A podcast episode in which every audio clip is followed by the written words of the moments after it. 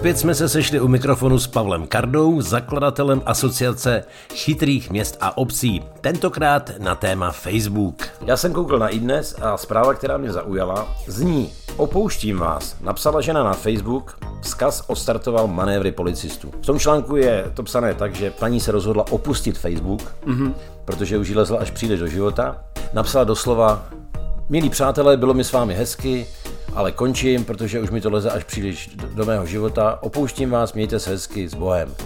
Dala to na Facebook a šla do práce.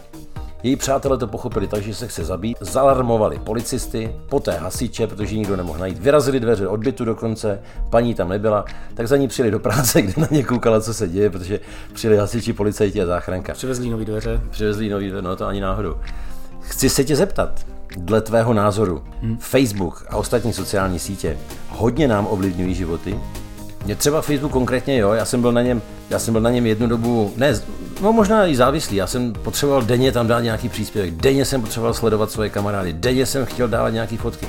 Pak jsem zjistil díky i své přítelkyni, že je to hovadina, hmm. že až příliš odkrývám své soukromí hmm. a začal jsem brzdit. Co ty? Tak já jsem Facebook samozřejmě měl ještě v době, když byl v angličtině, potom jsem ho zrušil, nepoužíval jsem ho. V dnešní době ho mám založený hlavně kvůli tomu, že ho používáme vlastně u nás v asociaci a potřebujeme vůbec zpravovat ty sociální sítě, tak jsem si ho založil.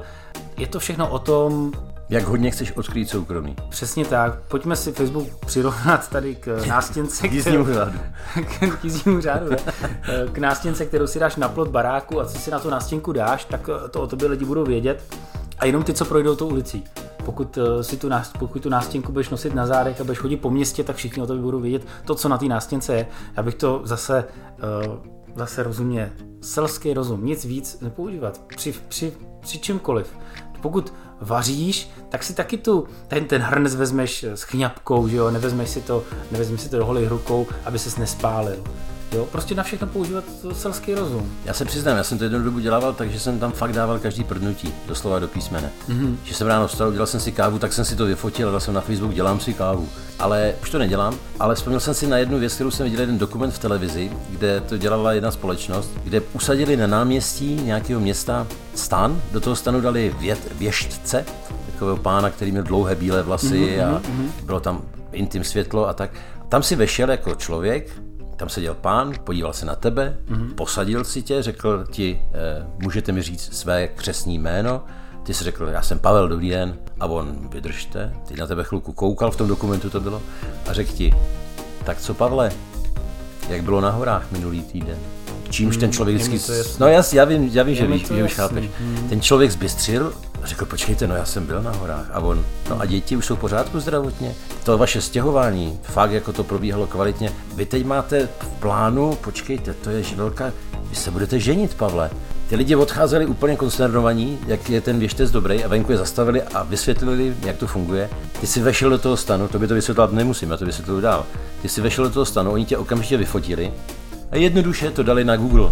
Vyhledávaš tvoji fotku a jméno. Ta fotka se okamžitě našla s tvým, se spojila s tvým e, facebookovým profilem, který vzadu tým, co tam seděl, si otevřel ten profil a viděli tam fotky z minulý návštěvy hor, to znamená, že byli na horách, viděli tam propojení s dětma, dítě nějaký marodí a dověděli se o tom člověku úplně všechno.